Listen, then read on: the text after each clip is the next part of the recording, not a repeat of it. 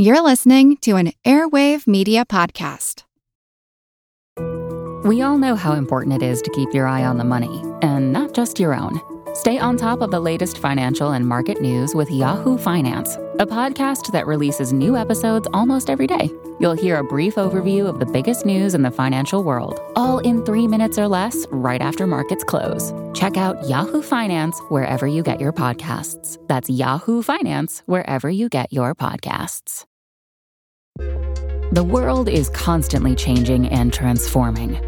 Cut through some of the noise with What's New with Wired, a podcast that goes in depth on the latest news and technology and culture.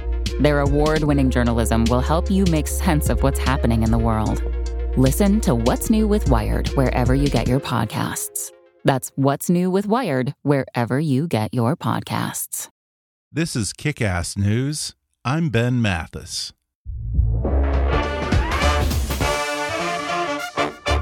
Hey folks, Ben Mathis here with a favor to ask.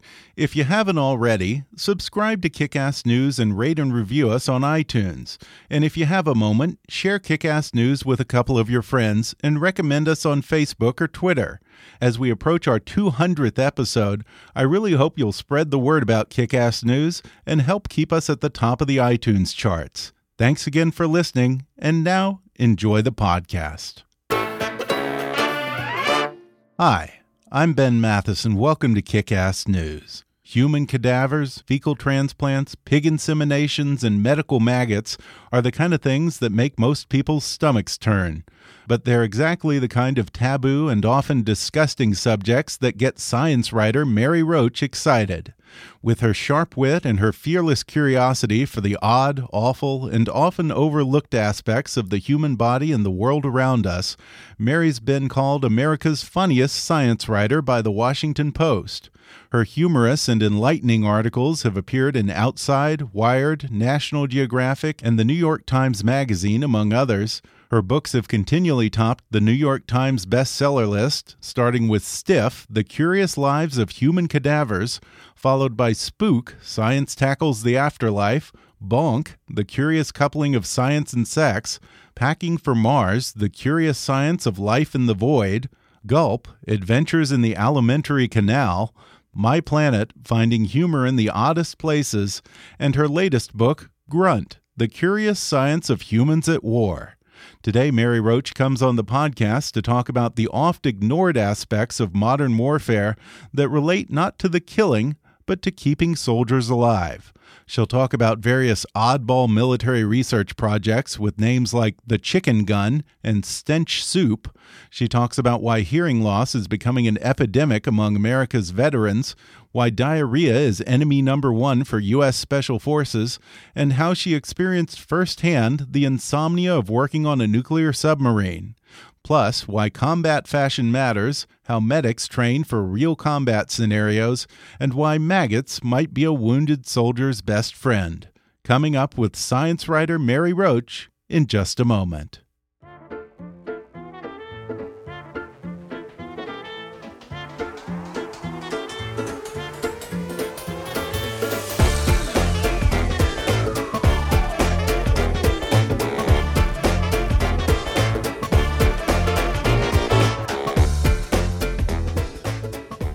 Mary Roach is a best selling science writer who's covered such taboo subjects as human cadavers in her first book, Stiff, the afterlife in her book, Spook, the science of sex in her book, Bonk, and human digestion in her last book, Gulp. Her latest is Grunt, the curious science of humans at war. Mary, thanks for coming on the podcast. Well, thanks for having me you have carved a very distinctive niche for yourself as a humor writer who covers the overlooked scientific angles of everyday life, often involving the human body, and you do so in a humorous, often cheeky way. Do you consider yourself a humor writer or a science writer? Um, kind of neither one. I'm flattered by both of those titles, but I don't feel like I really live up to either one. I'm not consistently hilarious enough to be a humor writer, and I'm uh, not. I don't feel like I'm a science writer in the sense of a real having a beat in an area of expertise and really being reporting and understanding cutting edge science. So I'm I'm I'm kind of um, I don't know what I I don't know what I am. okay. I don't I don't have a category that really fits. I'm kind of some weird outlier. well, I was interested to learn that you came from a public relations background originally, not a science background. When did you get lured into science writing? Actually, while I was a public relations person, I worked at the San Francisco Zoological Society, and uh, I, I, was a you know public affairs. I was the, the person that the media would call, and so I, sometimes I would get calls from reporters, and I was far more interested in chatting with them and going down a rabbit hole with whatever they were looking into than you know doing my job. For example, somebody called once a reporter saying there was a rumor that the cheetah had been sucked dry by fleas, and you know it was this horrible scandal, which wasn't true, so far as I know. And I, rather than denying the rumor, I was just fascinated by the whole idea that, like, well, how many fleas would it take? How much blood per flea? How much blood is in a cheetah? How would this be possible? Could it happen? And my boss was just horrified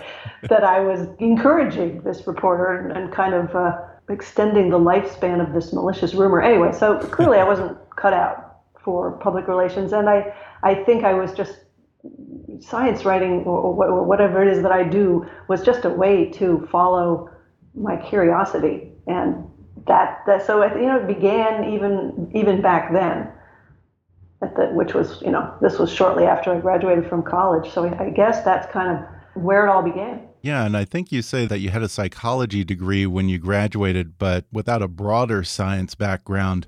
Do you ever encounter snobbishness when you're dealing with scientists or other science communicators? No, I don't. They're they're incredibly patient scientists. Uh, as a as a rule, they're they're really um, quite understanding. I'm very upfront with the fact that I I really don't know if I don't know what they're talking about. I I, I stop them pretty quickly and have them kind of rewind and and talk to me as though they're talking to a small child, no, maybe an eighth grader, uh, and, I, and, I, have no shame about that. And I, I, you know, if there is if there is snobbishness, it's it's behind my back. Um, they're they're really very kind and patient people, scientists. Well, you've carved out, as I said, a pretty interesting niche for yourself. You tackle everything from human cadavers and fecal transplants in your previous books to leeches and maggots in this latest book. You yeah. seem to have an 11 year old boy's affinity for the disgusting. Have you ever encountered anything that you just couldn't stomach? um, no. No. I don't think I have. The only thing, the only time I ever had to leave a room literally gagging was not for any book research. It had nothing to do with a book. It was uh, an autopsy. Um, I'm friends with Judy Melinek, who's the medical examiner here in Alameda County, and she sort of made it a personal goal of hers to make Mary Roach sick. And so she invited me one day. She's like, "Oh, come on down. We have a couple interesting cases."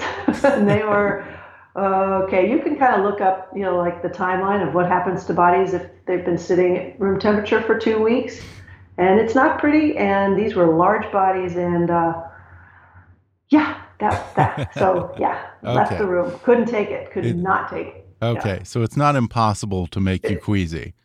no, it's it can be done. Okay, and she did it. Well, you say that your latest book, Grunt, isn't about killing and weapons of war, but it's about the science of keeping troops alive. Uh, how did you come up with the idea for this book? I was reporting a story in India on the world's hottest chili pepper, and there was this this insane chili pepper eating contest there that's quite brutal, and people taken away in ambulances. Anyway, I was I was covering this story, and some and, and while I was there, somebody told me that the Indian Defense Ministry had a lab that had weaponized this chili pepper, made an sort of exploding chili pepper bomb for in a crowd dispersal, similar to a pepper spray. So I went to that laboratory, and you know, at this lab, they were they were developing a leech repellent, And just that, that's so, I don't know, a leech repellent. It just spoke to me. That was just this moment where I realized that military science is a, yet another bizarre, interesting world of science to step into. And, and I, I knew nothing about it. And so that always appeals to me when there's this whole world that you have an opportunity to explore. So I uh, just started poking around, and, and uh, that's how it happened. Uh, who volunteers for uh, clinical trials on leech repellents? I think the uh, the staff at the lab is conscripted to ah. go down to the river and roll up their trousers and try out different compounds. Hideous. Well, this book reveals such an interesting side to war. You know, if you watch Restrepo or Saving Private Ryan, you don't hear about dehydration, hypothermia, hearing loss. It's about the more immediate dodging a bullet type of emergencies. What's great about this book is that it really underscores the type of gauntlet of dangers our troops have to survive. I mean, even once you get past the whole thing of not getting shot or not mm -hmm. getting blown up, there's still this whole laundry list of threats from not getting food poisoning to snakes to pest borne diseases. Um, what was it that interested you in that aspect of war versus just the fighting and the killing? I like to go to the places most people don't go. I, uh, I kind of, the things that fall between the cracks. There's a lot of, you know, when somebody writes books about war and combat, typically it's about the high drama stuff, and that makes sense because they are life and death stories. But they uh, overlook a lot of really uh, uh, interesting, for me anyway, uh, um, stories. Like you said, this is I mean this is a book about flies and maggots and extreme heat and sleep deprivation and and extreme stress and incredibly loud noises and hearing loss and and all of that in the context of combat, which is a whole foreign land to me. So it, it was, you know, those elements kind of seemed to make an interesting, appealing package for me. Yeah, and you were just talking about how a lot of these are things that everyone at some point has to deal with. What were some of the things that you learned about that maybe have or could have a non combat application in the private sector? Uh, well, most of it, with the exception of there's a fair amount of the book that dealt with things like how do you design a vehicle for driving over large bombs. Like, how do you how what kind of what kind of vehicle do you design if there's going to be like a hundred pound bomb that goes off underneath it, and how do you test it? You need a crash test dummy for that specific dummy. So, or wounds um, if you step on an IED, some of the specific wounds that um, and damage that happens from that. So, so some of it was was particular to combat, and hopefully not things that every person will encounter. But uh, you know, just just I got fascinated by flies, and, and flies they digest their food outside their body. They kind of vomit up these enzymes and like make a little puddle out of the food and then slurp it up. Which I thought, God, imagine if humans. What would restaurants be like if we did that? This is bizarre. They're really weird creatures, but they were also in, in uh, in terms of the military, they really were the enemy. You would actually see from World War II these posters that say, This is the enemy, and there's this fly, and somebody's bayoneting this giant fly. And because they were the cause, they were spreading disease, because on a battlefield, you have this highly unsanitary situation where you got like open pit latrine. It's like, you know, hundreds of men crapping into this pit, and then you got the mess tent, which isn't screened back then, and the flies with their little hairy feet going from the crap over to the mess hall and you know inoculating it with this bacteria, and then it, the and this food is sitting out unrefrigerated because you're out in the battlefield or near it, and the bacteria is multiplying exponentially, and now you've got next mealtime, you've just gotten hundreds of men sick, and that the cycle continues. Those guys are sick, they get diarrhea, they go to latrine hundreds more. And, and really, flies were the enemy. They, they were killing the diseases, you know, dysentery, yellow fever, whatever. They were killing far more troops than the weapons combat bullets. I now, if I go to a restaurant, I see flies flying around. I'm like, oh, that's not a good sign.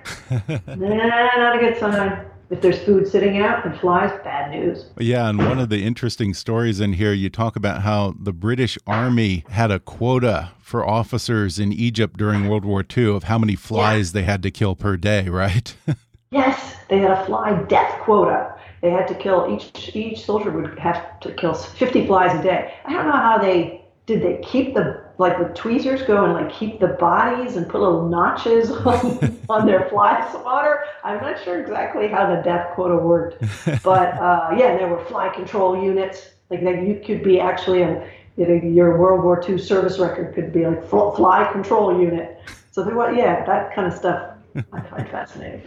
Well, speaking of flies, you discuss how a Civil War doctor used maggots as the perfect treatment for military wounds. Now the FDA has actually approved maggots for cleaning and treating injuries. Um, is it hard to get an injured soldier to let a doctor put a maggot in their wound? uh, yeah, it's not done. It's most these days maggot. It's called maggot debridement therapy, and what they're do what, what maggots is, we all know they prefer dead flesh. That's why you see maggots on dead bodies. But in a wound, uh, you know, they do what's called debridement, which is get they get specifically get rid of the dead flesh, and they leave the live flesh, and they and it fights infection several you know several different ways. So uh, these soldiers would come in, and this was in World War One, and with these hideous wounds that were infested, and this doctor noticed when he removed the maggots that the wounds were not infected and that they was there was like healthy pink tissue growing in and the maggots seemed to be helping not hurting so uh, they, and there is this uh, military entomologist that I spent time with who was advocating uh, using maggots for some of these IED injuries that are that there tends to be infection and reinfection because these bits of earth and sand get blasted deep into the wound. It's very hard to get them all out and to fight infection. Uh, and, and, that's an uphill battle because maggots are maggots. They're they're uh, they're disgusting. You have to change them out. A nursing staff has to be trained, and you got to like take them out before they get too big and they want to go and pupate and become flies, and then you'd have flies in the hospital, and that's not good, as we know. Uh, so uh, they're usually uh, mostly wound clinics for um, like diabetic foot ulcers, wounds that ah. tend to be very, very, very hard to, to get them to heal. And, and in some cases, people end up with amputations to the foot.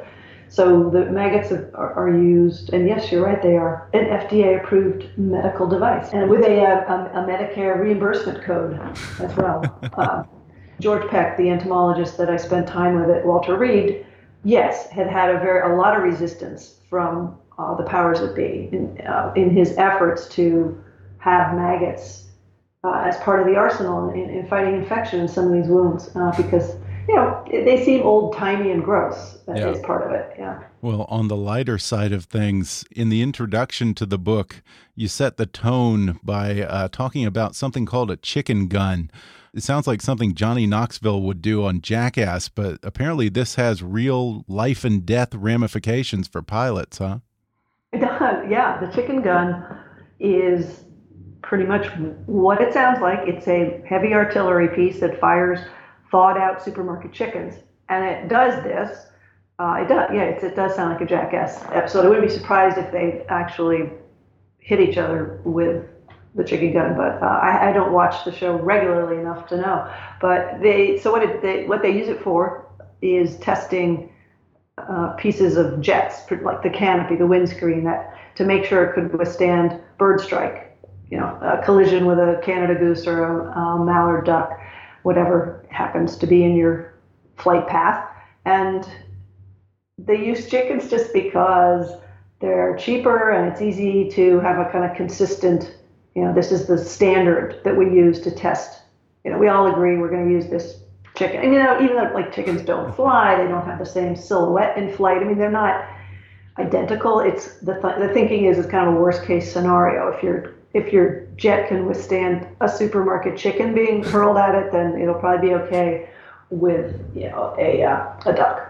Now, do these chickens have beaks? Because I think you say that the beak of a bird at that speed is kind of like armor piercing bullets.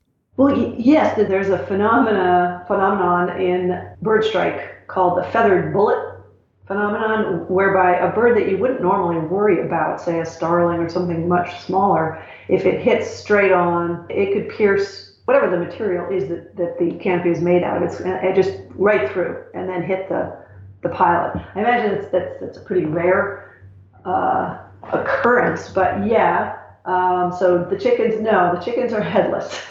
chickens, so so yeah. The, the, the feathered the feather bullet phenomenon that's a whole you gotta just hope you gotta just like try to avoid the smaller birds i guess or hope for the best because you're absolutely right. Uh, that's that would be more like the, the, the chicken is more like the feathered cannonball phenomenon Yeah, and a lot of these things, like the chicken gun, sound like the kind of thing that a Senate oversight committee would probably rail about as a waste of taxpayer money. And another good example of this sort of thing is in World War II, the OSS had something called the Who Me bomb, uh, to a more recent incarnation of stink bombs called stench soup. Talk a little bit about the history of military stink bombs. The OSS, which is the precursor to the CIA, uh, in, in World War II, uh, they got this idea from the, the Brits, and it was that the idea was that you, you would have this incredibly potent smell, kind of like somebody's shit their pants, basically. and the, you w- would put this in a little, either an atomizer. The Brits had a little atomizer, like you'd spray perfume from, a little pocket uh-huh. atomizer. Uh, the U.S. version was cheaper. It was these little uh, tubes, little sort of lead tubes like paint would come in with a uh, a, nozzle at the end and you would squeeze it. And the, the idea here is that uh, it was something cheap and small that you would distribute to resistance groups, uh, people who were motivated to help out in the war, civilians, that is, um, who just were looking for small ways to help. So you go sidle up next to a German officer, say, and spray this on his uniform. And there were a lot of problems with this. It was who me, as in, you know, who farted, was the nickname. Uh, SAC 23 was the technical uh, um, uh, name of it. Anyway, so the, the idea was, uh, yeah, that you squeeze this tube. They had a lot of problems with backfire, and that was actually the oh. term that was used. Backfire uh, you'd squeeze it and some of it would come out the, the wrong end and contaminate the person trying to uh, deploy the weapon. And there was also a fair amount of dribble. They put a little a little collar on the tube. They tested a bunch of different collars for the tube. I mean, the amount this is a big fat file in the National Archives on the OSS Who Me project. Just a uh, probably a hundred letters back and forth between the OSS the chemical company Arthur D. Little that they uh, who, whom they contracted and the testing lab in Maryland all of these individuals dozens of individuals involved in this effort to make this little stench spray it was very and this the the increasing annoyance on the part of the, the, the, person heading up the project when like you know they were shipped and half of them were leaking in the box and the rest of them. Oh. and this poor guy set up a, a, a mannequin you know like a, a dressmaker's dummy and put a uniform on it tried it in his office got it all over his hand wrote this angry letter we can do better than this. And then in the end they finally had these things ready to go and about two weeks later the atomic bomb was dropped so a different kind of bomb, a lot more effective, was deployed in the in, instead of the stink bombs. The little they weren't really bombs, but yeah. Well, you tested out a more recent incarnation of this called the stench soup. Uh, what does that smell like, and what's it used for? Yeah, stench soup is something that was made at the Monell Chemical Senses Center in Philadelphia at the behest of the U.S. military. It's a non-lethal weapon. Here again, the idea being here's something, they wanted something, the military that is, universally disgusting. And that's actually not that easy. There are odors that in other cultures people will judge to be edible, wearable, uh, uh, depending on what, what you've grown up with and what you're familiar with. You might not find certain smells that objectionable. Um, sewage, vomit and vomit you know vomit vomit is a smell that in the in, in, in a different context that can smell like parmesan cheese if, if you're blindfolded and you smell parmesan cheese you may find that really disgusting because it really does smell like vomit.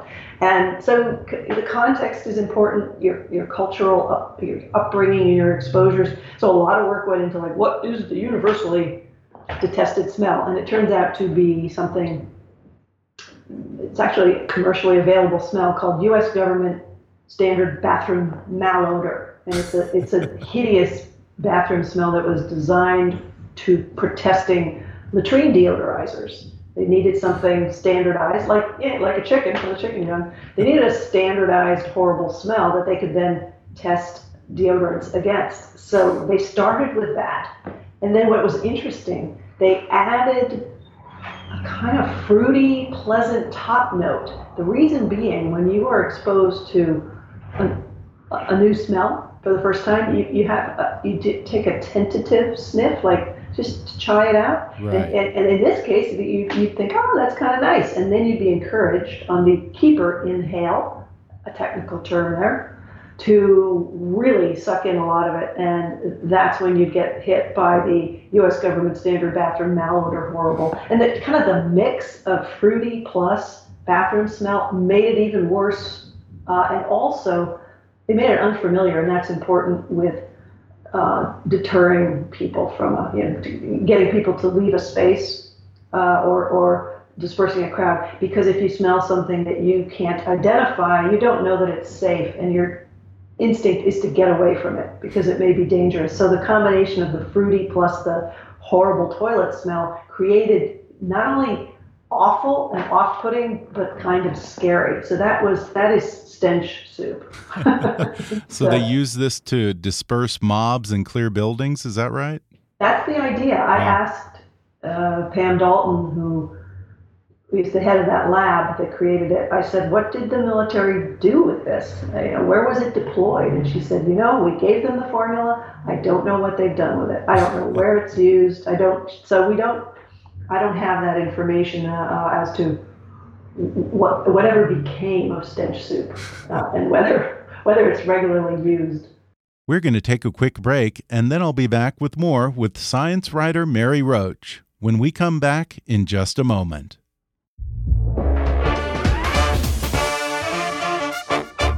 Sometimes all it takes is one little fact or one little piece of wisdom to change your life forever. That's the purpose of a great podcast called Something You Should Know. In each episode, the host Mike Carruthers interviews top experts in their field to bring you fascinating information and advice to help you save time and money, advance your career, become wealthy, improve your relationships, and help you simply get more out of life.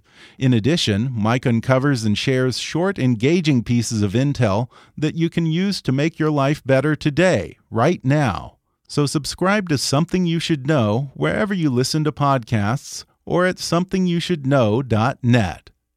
And now, back to the show. Well, your first chapter in Grunt talks about the science of combat fashion and the kinds of considerations designers have to deal with in making clothes to keep a soldier from getting killed. Uh, you actually talk at length about just the problem of how to fasten one's uniform. Why are buttons preferred over more 2.0 technology like Velcro or zippers?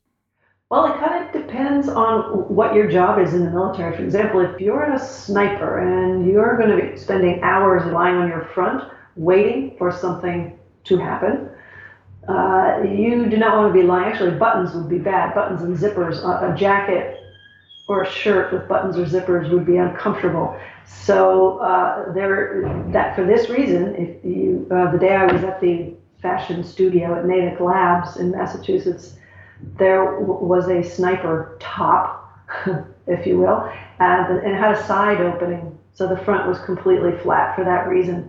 You couldn't, you could use Velcro, but I mean Velcro is flatter, but it's noisy. Mm-hmm. So you wouldn't want if your job necessitates stealth you wouldn't you wouldn't want Velcro. So all of these all of these considerations, and, and she'd also the designer had removed the chest pockets from this top and put them on the outside of the upper arms, so that their pockets, the contents of the pockets would be accessible when you're lying on your belly. So that all you know, all of this thought going into these. You know, it's a seemingly simple thing. It's a shirt or a jacket.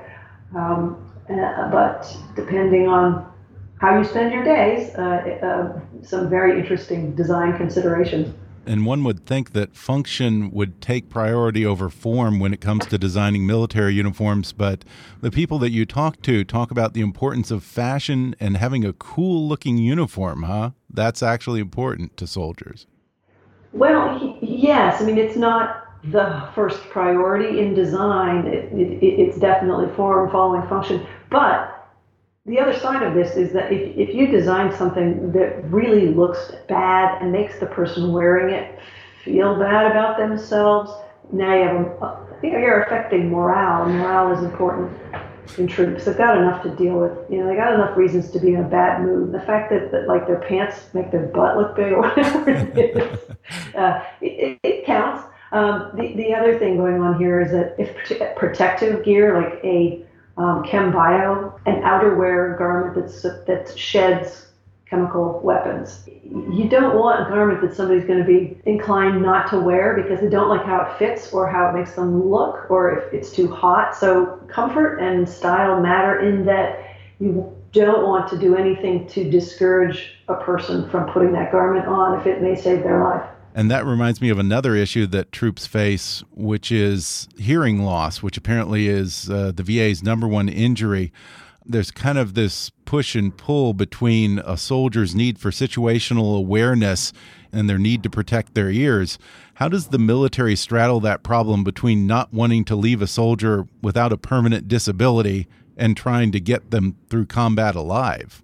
Yeah, it's a it's a it's a serious problem. Uh, as you can imagine, war is very loud, not just bullets, bombs, sudden, very loud, high decibel noises, but lower decibel noises that go on and on for hours, like the, sound of a helicopter or an armored personnel carrier traveling over concrete. That's uh, that's that's a high enough decibel level that if you're, you're you're in there for five, six, twelve hours, you're going to start to sustain hearing loss. So you got to protect the ears, but as you said, situational awareness, be, being able to hear what your the other people in your unit are saying to you uh, is important, and and it, or the sound of a car approaching on the gravel that's important, or the sound of Velcro around the corner, somebody undoing a Velcro vest. All of these things contribute to your sense of, am I in danger? What's going on around me? So obviously you want to save your life more than you want to save your hearing. So you don't. So even though you're given as a soldier ear protection, you, you, you tend not to wear it. And it's also you know you're in a you're an armored personnel carrier for a long time. It's uncomfortable and or and or hot. So for those reasons, this protection doesn't get worn unless it is there is there is a kind of high higher tech ear protection that at the same time as it screens out the loud noises, it amplifies the quiet ones, like a human voice. Hmm. And these are TCAPs, Tactical Communication and Protection System. These are very cool. They, they've got communication, wireless communications, and a you know mouthpiece so you can communicate with somebody in a chopper overhead, say. Uh, so, so that's a way around it. But they're, not everybody has those yet. They're they're costly and relatively new. So, um, it, but that's that's where things are going because they're just it's crazy the amount of hearing loss. Yeah, and I think you said that that technology is what SEAL Team Six used when they killed Osama bin Laden, right? That's what I'm told. Yeah, mm -hmm. yeah. And one of the biggest problems facing our troops apparently is diarrhea. Uh, you say that 77% of combatants in Iraq suffered from diarrhea, and food poisoning rates are highest among special operations forces. You know, that's the sort of thing that people may scoff at or laugh about, but it can be a life and death situation if you're talking about dehydration. How does the military try to combat those problems? Diarrhea occurs the rates of it are about twice as high among special operations forces, Navy SEALs, and such. Because they're not spending as much time on a base where the food is safe and the water is clean. They may be, um, when they go out on a mission, they're out in some rural village in Somalia or Yemen or uh, the, you know, the places where there's a lot of counterinsurgency work. And so they're, yeah, they're eating with the village elders. They're drinking water that might not have been filtered or treated. Uh, goat, say, that has been left out all night, they uh, they get sick all the time. And they are traveling light. They don't have a change of pants, you know. They're uh, and and if you get serious gastrointestinal infection, if you get if you're hit with really bad diarrhea from food poisoning, uh, and your mission is to say, I don't know, take out Osama bin Laden, whatever it is, whatever your mission as a special operations guy is, you don't have the luxury of sitting it out for a few days. You you just have to go forward and crap your pants. You know what? That's uh, that's the situation. Um, what they're doing about it. Hmm. I was over in uh, Djibouti in Camp Lemonnier talking to some of these special operations guys about diarrhea, which was kind of a weird reporting challenge. But uh, I was there with a um, Navy Captain uh, Mark Riddle, who uh, was testing, doing a, uh, some clinical trials of a different regimen antibiotic treatment that you just with one dose you would be back in the action after less than a day, uh, and that would help a lot you know, normally bat, in a battlefield, you try to improve sanitation and hygiene, and that's at the bases. Things are very sanitary and very hygienic. There are, you know, Purell stations and hand washing stations as you go into the dining facility. This big dining facility, there's a row of hand washing sinks, and so there's a lot of work done. You know, a lot of work done to to keep troops safe on base. But once you're out uh, with the local population, there's not much prevention to be done. So uh, the key is to find drugs that will work more quickly. And that, of course, makes its way back to the civilian traveler. So that's a plus. You pride yourself on being part of your research. Um, you say that the most challenging thing that you did for this book, Grunt, was going on a submarine. Why is that? Well, it was being on the sub wasn't challenging, but getting on the sub was a little challenging because it was a ballistic missile submarine. So it's a, a, submarine that is out. It's got a the power source is nuclear, so that it doesn't ever need doesn't need to surface for fuel. Uh, so it can stay down for months at a time. And that whole idea is just it's a roving nuclear arsenal, trident missiles on board. Nobody knows where it is except, of course, the people who know where it is, the handful of people who know where it is. So uh, getting access was a little difficult, partly logistically because it's out for months, and I wasn't no, no one going to want me on board for months, nor did I want to be on board for months. I wanted to be on board for yeah, a few days, a week. So in the end, and it took about a year to figure this out and, and have it happen, I ended up going out with a team of a group of prospective commanding officers who were doing a practical exam on board this submarine where they'd be, you know, there'd be all simulated emergencies that they would then have to deal with, which made it a really interesting time to be on board the submarine. Yeah, we're going to do a simulated launch of all missiles, which was really surreal, and that so so that took a long time to just to figure out. And there's not at the time um, there were they just just started having female officers. They were uh, the crew were all male, so there wasn't a lot of space for women on board. You know, space is very tight, so mm-hmm. that was also uh, a problem. Yeah, I think you say that the the space was so tight that they even have some of the sailors sleeping between nuclear missiles, right? Instead of yeah, in, in, the missile compartment, there's there's there are two long wow. rows of, of missile silos, and there uh, there's just about enough space in between to put down a bedpan, not a bedpan as in to, to pee in, but a, it's, it's a, you know, a mattress basically, yeah. a unit to hold a mattress. So the, and, and those were kind of the, some of the quieter, more private accommodations on board the sub. I mean, if I had to choose, I think I might be sleeping between the missiles rather than in a room with, you know, 10 bugs. I have to think that the biggest issues that they face on a nuclear sub are psychology and sleep deprivation and that, that's what that chapter is about. Um, the when the subs went nuclear, there was a lot more that need to be watched. So the watch schedule was the watch bill, as they call it. Um, that these had um, been set up from years ago when there was this belief that because there's no sunlight down there in a submarine, you can just make up how long the day is. It doesn't have to be 24 hours. We can just do we can do an 18-hour day if that works better with the shifts. Uh, in fact, over time, it's become clear that even though there isn't sunlight, the body still wants to be basically on a 24-hour cycle. That's the circadian rhythm, and and when you mess with the length of the day, not only do you have sleep deprived submariners because they're, they've got too much to do, but also they're jet lagged. So they were dealing with a kind of um, man-made jet lag. So what the submarine I was on, the USS Tennessee, the commanding officer was trying out a more circadian rhythm friendly watch bill so that, it, that everybody was, uh, you know, it's complicated to explain sort of exactly what they were doing to achieve that, but they were distributing the chores and the sleep and wake schedules in a way that at least they would be on a normal human biological uh, time frame. You spend some time with medics in training. Medic training seems like it's almost impossible to fully train for. How do you teach them to prepare for the unknowns in combat?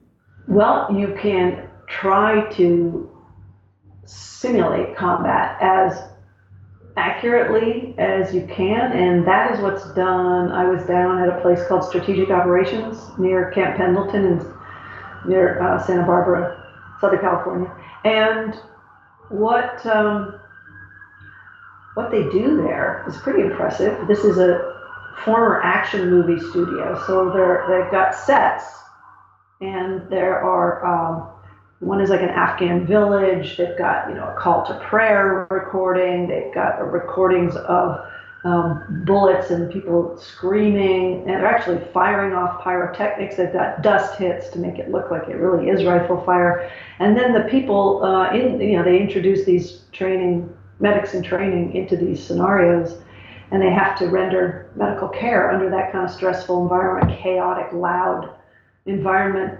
and the people that they're working on, their patients, as uh, their patients are in some cases amputee actors. They're people who've been outfitted with like a sleeve over the stump that's very realistic. They've got a backpack with a little kind of a CamelBak containing stage blood, so that's being pumped out, so they're bleeding at a realistic rate. And if they don't get the tourniquet placed properly, if they don't do their job right, the patient bleeds out and dies. And it's, it's so it's very uh, you know it's. And of course the, these Navy corpsmen who are medics for the Marine Corps, of course they know obviously they didn't blow off somebody's leg for this. I mean, rationally they know that that's not real, but it's it's it's it is when you're in the midst of it very realistic and and pretty stressful for them. So it's kind of believed that it's sort of like a stress inoculation. It's like a milder dose of what they're going to have to deal with in a real combat scenario, and hopefully um, training them there will kind of prepare them a little better for dealing with what is to come. And you know, the other problem is with fight or flight, you know, it makes you you got adrenaline coursing through your system. It makes you fast and strong, but also kind of dumb. Like you get tunnel vision, you don't make good decisions, your hands are shaking, it's hard to operate, you know, say a piece of medical equipment that is, you know, got requires careful placement of a needle, say, or you know, you, you need to have your wits about you uh, you, you tend not to when you're panicked. So it, it is important to, to try to train uh, medics a little bit for the, the realities of rendering medical care under fire. Did you pick up on any friction between the scientists working in a controlled environment and the troops who are counting on these ideas and inventions to save their lives in real world combat?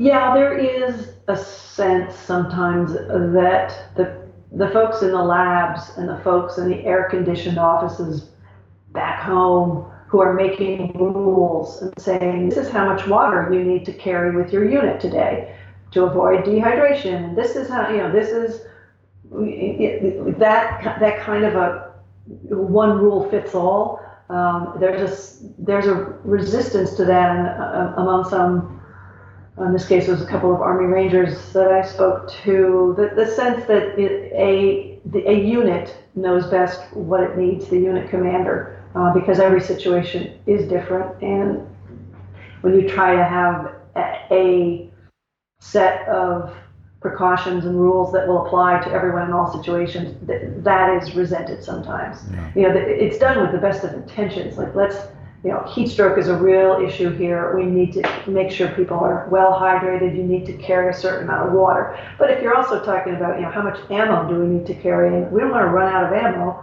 uh, if we're in a situation where we're under attack. And so there's their their intent is good, but sometimes there's a feeling that they, they, don't know what they're talking about because they're they're not out here and they're not dealing yeah. with what we're dealing with. And, and fair enough, you know that yeah. I could imagine uh, what, how one might feel that way. Uh, I also have to imagine that the Pentagon is pretty protective of their military research. How hard was it for you to get access? Did you hit a lot of roadblocks?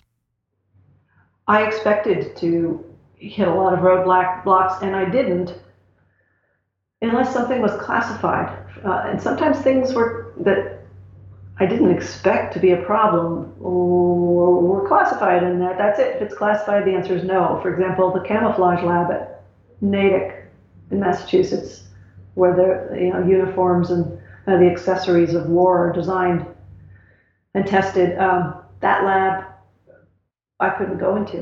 And, and, it, and that's just, just, just, you know, not, there's no wiggle room there. If it's classified, it's classified. But most most of the other things I reported on, uh, um, there there wasn't an effort to keep me out at all. There was uh, a sense that this is good work being done here, and it doesn't get reported on or talked about all that much. And so I was actually welcomed into most of these places. The problems were uh, one. It tended to be yeah, you can come here, but we don't really know who signs off on this. You know, we I don't you know it's fine with me, but we've got to find the right person to to say yes. Nobody was saying no, but like whose swim lane is this in? Who's who's the person who signs off? And, and that, especially with the ballistic missile submarine, that was a you know going up and down the chain of command. You know, going up to the top, all right, we're okay there, and then back down again to who wants to be the commanding officer who has me on his sub. Like that, like that was another challenge. So sometimes it was it was um, a matter of just finding the person who is willing to say, yeah, let's do this, and here's what needs to happen. Because you know people are busy and they don't really know if it's within their jurisdiction to allow the science writer to come to Camp Lemonnier and report on diarrhea. Like who, who's whose bailiwick is that? Yeah. well, before we go, have you decided on the topic of your next book? I have not. No, I'm. I've, I've pursued a couple of things that turned out to be dead ends, and am trying to figure that out. Really? What what kind of topics turned out to be dead ends? Uh, I, I was going to report on uh, natural disasters and kind of the human elements, mm -hmm. and uh, I was able to set up a lot of uh, you know things in the realm of preventing and aftermath, but the actual on scene, getting there quickly. I mean, this because it could happen anywhere in the world, and where it right. happens determines which aid organizations and responders are there. So, of course, you have to set it up with these organizations and responders ahead of time. Otherwise, you're just in a big press pool fighting Anderson Cooper for a seat on the chopper. so, I really, yeah, it was just it was just impossible. There are also some liability concerns that organizations have, and just too too dang hard. Yeah, logistics must be logistics. Terrible. Yeah. Well, again, the book is called Grunt: The Curious Science of Humans at War. It's available in hardcover, ebook, audiobook, and now in paperback as well. Mary Roach, thanks so much for joining me. Yeah, you bet. Thanks so much for having me on. Thanks again to Mary Roach for joining me on the podcast. Order Grunt, The Curious Science of Humans at War on Amazon, or download the audiobook for free with a special promotion just for our listeners at audibletrial.com slash kickassnews. Keep up with her at maryroach.com and follow her on Twitter at, at Mary underscore Roach. Be sure to subscribe to Kickass News on iTunes and leave us a review while you're there. Don't forget to take our listener survey. It only takes five minutes at podsurvey.com/kick. You can visit Kickass News on Facebook and follow us on Twitter at, at KickassNewsPod. And be sure to recommend Kickass News to your friends on your social media. And if you really want to help out, then donate to our GoFundMe campaign at gofundme.com slash kickassnews or click on the donate button at kickassnews.com. As always, I welcome your comments, questions, and suggestions at comments at kickassnews.com. For now, though, I'm Ben Mathis, and thanks for listening to Kickass News.